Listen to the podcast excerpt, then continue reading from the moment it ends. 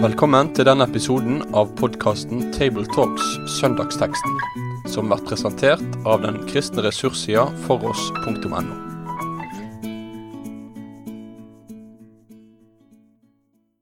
Da ønsker jeg hjertelig velkommen igjen til Tabletalks. Og nå er Stavanger-gruppa samla.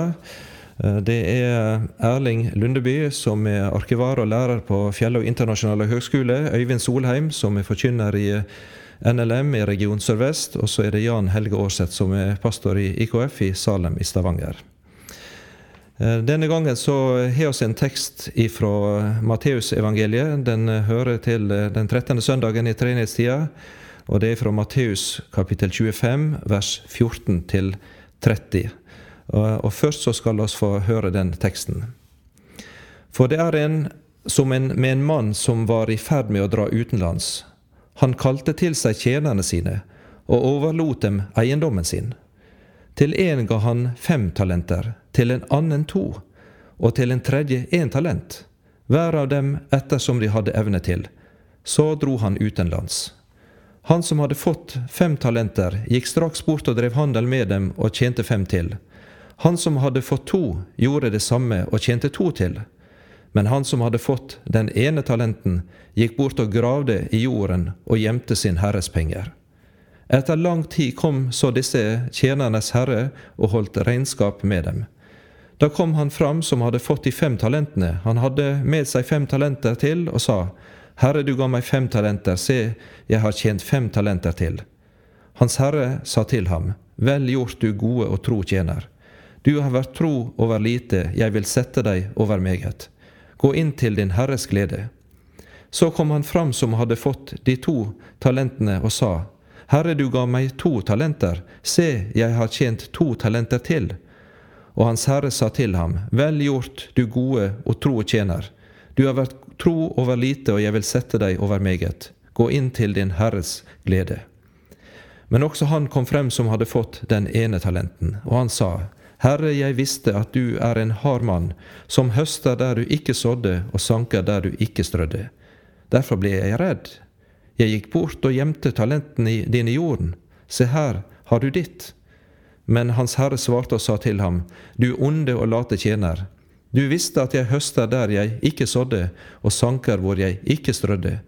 Da burde du ha overlatt pengene mine til utlånerne, så jeg hadde fått igjen med renter når jeg kom. Ta derfor fra ham talenten, og gi dem til ham som har de ti talentene. For det, hver den som har, til ham skal det bli gitt, og han som skal ha overflod, men den som ikke har, skal bli fratatt selv det han har. Kast den unyttige tjeneren ut i mørket utenfor. Der skal de gråte og skjære tenner. Skal oss be. Himmelske Far, vi ber om ditt lys over Guds ord og innsikt i det som du har sagt. Herre, hjelp oss å dele dette videre i truskap. Velsign oss du. Amen. Ja, da er vi eh, overfor en lignelse fra Jesus, fra Matteus evangeliet. Eh, og denne lignelsen eh, den står ikke for seg sjøl og helt alene. Kan vi si litt omkring sammenhengen den er sett inn i, og noe kanskje omkring dette med lignelsen og lignelsene her? Ja, altså Jesus uh, snakker her i uh, Dette er i en sammenheng hvor han snakker om endetiden og om sin gjenkomst. Jesus talte mye om sin gjenkomst. Og han eh, var tydelig opptatt av at han ville eh, bli ventet, være ventet når han kom igjen. Lignelsen foran snakker jo om de fem kloke og de fem dårlige jomfruene. Han er opptatt av at han vil være ventet når han kommer igjen. Og så kommer denne lignelsen hvor han sier noe om hvordan han ønsker at vi skal forvalte det han har gitt oss av sine gaver. Og etter denne kommer den veldige eh, domslignelsen, hvor han skiller geitene og sauene. Eh, så det står i en sammenheng hvor han taler om de siste tider og sin gjenkomst. Eh, en detalj Jan Helge som jeg tror vi skal eh, merke oss, er at når Herren kommer tilbake fra reisa si, så får den eh, unyttige, late, dårlige tjeneren, han får en ganske streng straff. Kan vi si noe om det? Ja, Kontrastene i, i Jesu lignelser om hans gjenkomst er jo ganske sterke. Det er kontrasten mellom at en inviteres inn til gleden, til festen, eh, som på en måte er selve målet for hele Jesu liv og gjerning og hans lidenskap, at vi må få komme inn til gleden og festen. Men kontrasten er jo mørket utenfor, og at en skjærer tenner og gråter. Eh, og det viser kanskje noe av hvorfor Jesus er så lidenskapelig når han snakker om sin gjenkomst, regnskapsdagen. At han nettopp er redd for at han ikke skal være ventet. At han er nettopp redd for at en ikke vil ta del i festen og gleden. At det er derfor han legger det så sterkt innover disiplene og alle tilhørerne at se til å være rede, se til å være klare.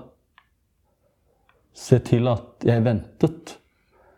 Jeg tenker ofte på at Jesus kanskje er redd for å oppleve, nær sagt nesten som en ektemann, kommer hjem etter en lang tid borte, og så opplever at kona gifta seg med en annen, eller ikke venter han.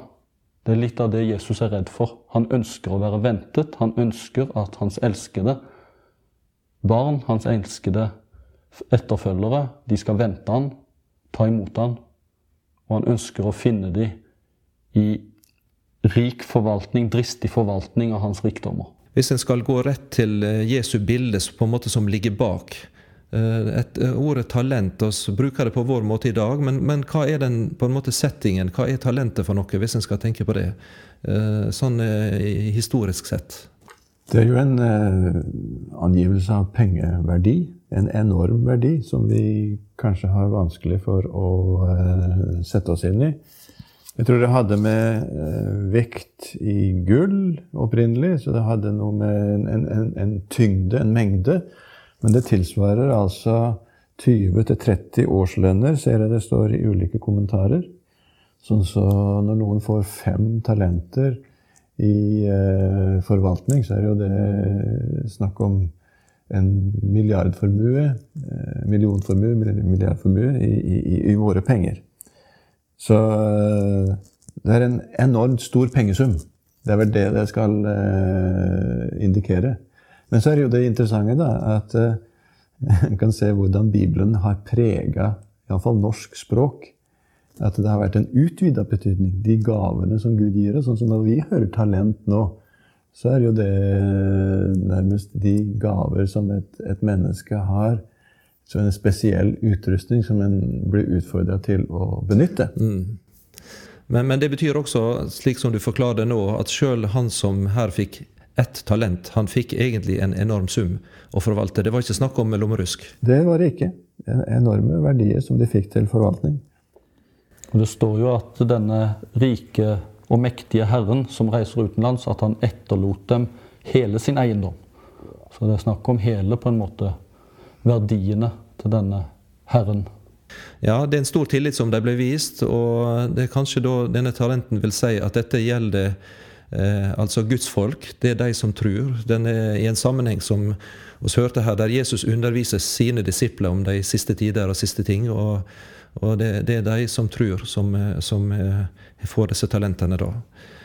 Ehm, så er det tanker på dette, på en måte hva talentene symboliserer, eller hva Jesus ville sagt til oss.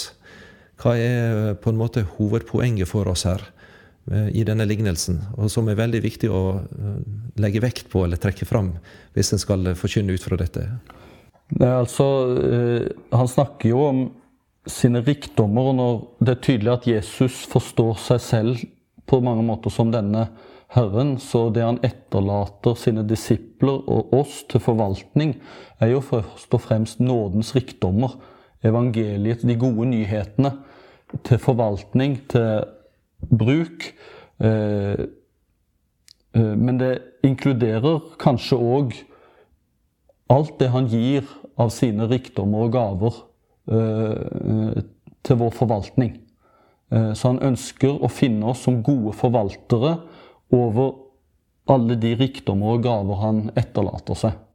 Nå er det bibelkommentarer som sier at dette er selve på en måte evangeliet, eller Guds ord som de kristne har fått, og frelsen som de er blitt gitt, og nåden, som du sier. Men det er også mer enn det. Altså Du tenker videre enn det, ikke sant? At det er på en måte alt Gud gir til vår legger i våre hender i, på alle vis. Det er jo nærliggende å, å tenke at uh, i første rekke så går det på penger. Det var snakk om penger her. Så det er jo den første som må uh, Har vi fått overgitt penger, så må vi forvalte det riktig. Men, men uh, i forlengelsen av det, alt det som Gud har gitt oss, da tror jeg ikke vi skal innsnevre det på noe vis. og når Herren overga tjenerne alt han eide, så skal vi også tenke på da er det faktisk alt vi har fått. Eh, og i det perspektivet så er det ikke noe som er utelukket. Eh, penger, gaver, nådegaver, eh, naturgaver, tid, anledninger. Vi, vi, vi, skal være forsiktige med å utelukke noe. Fordi alt skal i utgangspunktet brukes til Guds ære og forvaltes på en måte som kommer andre til gode. Eh, og som kan eh, gi ære til han som ga gaven. Og snakker nå om det kristne liv, ikke sant? Fra det som en kristen har fått. Og det, den sammenhengen her, det er når Jesus kommer att, eller en skal møte Herren igjen med sitt liv og, og sin, sitt, det, det livet en har levd, og det en har gjort. Ja, jeg har jo eh, kommet i tanke om og latt meg fascinere av Eh, Johan Sebastian Bach. Kanskje nettopp fordi han eh, besitter gaver som jeg selv ikke har. men, men, i alle fall, han hadde et motto som, som, eh, sier noe om god forvaltning av det han har fått. Han sa 'soli deo gloria', og latinsk og betyr 'Gud alene skal ha æren'. Og han, han var opptatt av at når han skapte musikk, så var han ikke i tvil om hvem han hadde fått det av det var Gud. Derfor så ville han gjøre det til hans ære, til Guds ære. Men han ville også bruke denne gaven til andres glede. Eh, for eksempel så, så, så hadde han visst en bønn når han skulle komponere, eh, hvor han ba slik Jesus, help me show your glory through the music I write. May it bring you joy, even as it brings joy to your people. Jesus, hjelp meg å vise deg ære gjennom den musikken jeg skriver, må den bringe deg glede, slik den også bringer glede til ditt folk. Altså leve til Gud til ære og til gagn og glede for sin neste. Eh, og det tror jeg vi kan overføre på hele denne forvaltningen av alt det vi får av Gud, og også, ikke minst, eh, nådens rikdommer, evangeliet, eh, i misjonens tjeneste. Gjøre alt til, til Guds ære og glede og til til beste for våre medmennesker. Jeg har sett at det, det også blir lagt vekt på hos noen dette med denne rikdommen som Gud gir, at det er også knytta til uh, evangeliet og Guds ord. Uh, Johannes kapittel 17, der får oss denne Jesu ypperste prestelige bønn for hans disipler. og Der sier Jesus i kapittel 17 vers 14 at 'jeg har gitt dem ditt ord'. Altså Han har overlevert Guds ord til sine disipler. Han kommer også inn på det når det gjelder kapitlet om Den hellige ånd. Og så i forlengelsen av dette, like som du har utsendt meg til verden, har også jeg utsendt dem til verden. Altså han sender Guds folk ut til å, til å, å, å tjene og til å bringe evangeliet i alle former ut. Um, og, og, bære den ut til, til, andre. Og I lignelsen så er han også inne på dette at der er, han, han vil høste. altså i Eh, sjøl der han sjøl ikke satt, altså utenom eh, Galilea og Israel, så ser han nok her for seg kanskje da at det der er en innhøstning som er verdensvid. Som gjelder nasjonen, ikke bare Israel som folk, men, eh, men misjonen. Da har vi på en måte også et misjonsperspektiv inn i dette. At her handler det om å bringe Guds ord og forvalte evangeliet og leve slik at det blir sådd ut til andre. Og, så misjonsperspektivet synes jeg også er med i denne lignelsen her. Eh, jeg syns vi skal bruke litt tid også på ulike holdningene som disse tre har til forvalteroppgaven, og hvordan eh, Herren responderer på det. For de to første, de har på en måte De bare går til oppgaven og setter midlene i, i omløp. Og de får samme ros og samme lønn. Men resultatene er jo egentlig veldig forskjellige. Den, den ene fikk eh, fem og gjorde fem nye. Den andre fikk to og, og, og, og fikk to nye. Sånn så eh, Det er egentlig ikke result, mengden resultat som, som Herren ser etter, men at de gikk til oppgaven på en frimodig måte. Mens den siste han bør vi tenke på. Hva, hva, hva var hans problem, egentlig? Og der øh, virker det jo som han er full av frykt. Han ønsker ikke å ta noen risiko. Han hadde den tanke at øh, han hadde ikke noe å vinne på å foreta seg noe som helst. Tapte han, ville han få straff. Uh, hvis han vant noe, så tok Herren hans antagelig fortjenesten. Så Det er akkurat som hele forvalteroppgaven uh, stenger han inne. Og så blir han bare engstelig og redd for at skal gå, det som han har fått, skal bli ødelagt. Så tar han vare på det. Hva kan det fortelle oss av en slags åndelig situasjon? Det du sier på en måte, er at Jesus med dette sier litt at vi skal være dristige i vår forvaltning av gavene, av nådens, av evangeliet. Jeg tror det går noe på det. Mm. Eh, sett i omløp. Mm. Eh, en har formulert seg sånn at du skal ha en stadig en, en, en, en aldri hvilende fantasi for å se hva godt som kan gjøres med det du har fått. Eh, ikke, ikke tenke innover, men tenke utover. Ja, jeg tenker at, at, det Jesus sier her litt, er at vi skal være eh, dristige i forvaltningen og bruken av alle de gaver vi råder over. Særlig nettopp med tanke på, på evangeliet og nådens utbredelse. Altså eh, Han vil at flere skal få del i Guds rike, i himmelriket. Det er det som er Jesu lidenskap.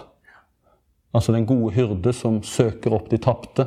Og, og, dette ønsker han å dra oss inn i, og, og sånt ønsker han at Ser jeg for meg at han vil at hvis dristig skal bruke vårt gods, våre penger, våre gaver, våre evner. Også den innsikt vi har fått i Bibelen, evangeliet. Eh, nettopp til å utbre Hans rike. Fortelle de gode nyhetene. Jeg har noen eh, praktiske eksempler. for Jeg tror jeg ser eh, hvordan dette spilles ut i, i, i, det daglige liv. John Wesley i sin tid han kunne ikke eh, roe seg med at bare folk kom til kirka. Så han tok hesten og stilte seg opp ved gruveinngangene når folk gikk på skiftet og kom fra skift. Og preka.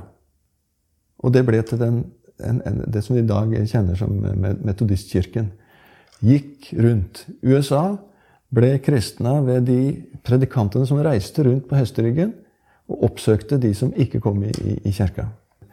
Går du, på, går du til lunsj i Nairobi, så vil du finne at i parkene så er det møte. Eller noen har leid kinosalen fra halv ett til halv to. Fordi de, de, de, er utrolig kreative. Bruker tida si og sånn. Det er en enorm oppmuntring. Eh, fordi de vil sette det de har, og sine gaver, i omløp. Men det du sier, Erling, du er inne på dette f.eks. med bruk av tid. Eh, så det vil si at en i sitt kristenliv, eller som disippel av Jesus, faktisk må ofre noe for evangeliet. Altså Det har sin omkostning, det har sin pris når det gjelder prioritering og valg og, og, og, bruk av midler og tid og sitt liv og sin, sin kurs. Og, og kanskje kan en, er det da, da, kanskje rett å tenke om den med det ene talentet som en passiv person. Han, han, han satte grop talentet ned og så gjorde han ingenting. Han liksom trekte seg tilbake og satt og venta på at ting skulle skje. Så han, han var ikke delaktig i noe. var ikke involvert i sitt, ikke sitt liv i det som har med, med Guds rikdom å gjøre, og, og de skattene som han Så han var på en måte en tilbaketrukket og passiv person som, som, ikke var med og brukte sin tid. og, og dette med offer handler også om altså dette med lidelse. Mm, for eh, Nå nevnte du Wesley, men vi vet fra i dag når det gjelder de kristne sin situasjon, at mange betaler en veldig høy pris for å dele evangeliet med sine naboer og venner. Du må komme også med noe Eivind, som du nevnte i forkant her. med Kanskje han rett og slett hadde mista troa på at Herren kom tilbake? Ja, iallfall eh, er det noe som eh, eh, Kanskje Jesus mer tar opp direkte i en lignelse som ligner veldig på denne, i Lukas 19, hvor det er tydelig at noe av poenget er at, at det handler noe om å stå opp for Herren som er borte, med den risiko at du, av fiendene at du blir forfulgt. Fordi det er ikke sikkert at denne Herren, denne mektige Herren kommer tilbake. Også denne usikkerheten og engstelsen gjør at han isteden graver ned eh, rikdommen istedenfor å forvalte den. For han, han, han, er engstelig for å gjøre feil hvis han kommer tilbake, for han vet at Herren er streng. Men han er òg engstelig hvis han ikke kommer tilbake. Han har sagt sånn dobbel sikring. Jeg, jeg, tror vi kan komme til å gjøre litt mer ut av det. Fordi uh, i Lukas det er naturlig å se de to lignelsene sammen. Fordi uh, de er nesten like, men kanskje allikevel så forskjellige at de må ses som to forskjellige. Uh, men i Israels historie så er det jo faktisk slik at da Herodes den store døde, han som levde på, da Jesus ble født, så reiste sønnen hans, Arkelaus, til Roma for å be om å få overta kongedømmet etter faren sin. Han var meget upopulær i Palestina, og det kom en delegasjon etter han på over 50 mann som forsøkte å overtale romerne til ikke å gi Arkelaus kongedømme. Men han fikk det likevel, og da han kom tilbake igjen, så tok han en grusom hevn som venta var over disse 50, og alle som støtta han. Så Det gir jo veldig mening til det som du sa, Øyvind. At her var det utbredt risiko for eh, å, å, stå fram og vedkjenne seg at jeg er Arkelaus sin forvalter. Fordi da stakk du hodet ut eh, og var upopulær i noen sammenhenger. Og du visste egentlig ikke om han ville komme tilbake og ha kongedømme. Men noen gjorde det, og de ble rikt belønna. Han som ikke gjorde det, han måtte eh, svare for det. Så, så det, kan, det, kan, det, det, er en, et speil til oss som kristne, hvor en av og til føler at eh, nei, det er tryggest for meg å ligge lavt. Fordi vi vet ikke nesten åssen det skal gå. Det er en, en, en, en veldig dårlig forvalterjobb. Eh, men Du var inne på det, Øyvind, det med, med trua. og Der er vel ting i denne lignelsen som tyder på at den med det ene talentet ikke bare var redd og ikke engasjerte seg og passiv, men han også mista det han hadde. Eh, det ser oss når Herren kommer tilbake. på en måte, så Han blir på en måte stående tilbake med ingenting. Eh, for allerede det talentet som på en måte hadde fått del i, det ble også borte for han. Så det ser ut som på en måte at underveis i hans passivitet og likegyldighet på et vis, så mangel på forventning om eh, at han mister faktisk trua på eh, det som han hadde fått og blitt gitt, og, og, og, og mister da livet i Gud, faktisk, i sin passivitet. Ja, og kanskje har det sammenheng med at uh, det virker jo som han har et vrengebilde òg av Herren sin. For han henviser jo til 'jeg visste hvordan du var streng', osv. Uh, og jeg tror at det blir på en måte en illustrasjon nettopp på hvordan et, et vrengebilde av Vår Herre også kan føre en til nettopp å ikke bli en god forvalter. For hvis en ikke kjenner sin gode, barmhjertige eh, og mektige Herre, så blir en òg engstelig og passiv. Men hvis en kjenner eh, sin Herres både lidenskap og personlighet, så vil en forvalte dristig, slik han var dristig.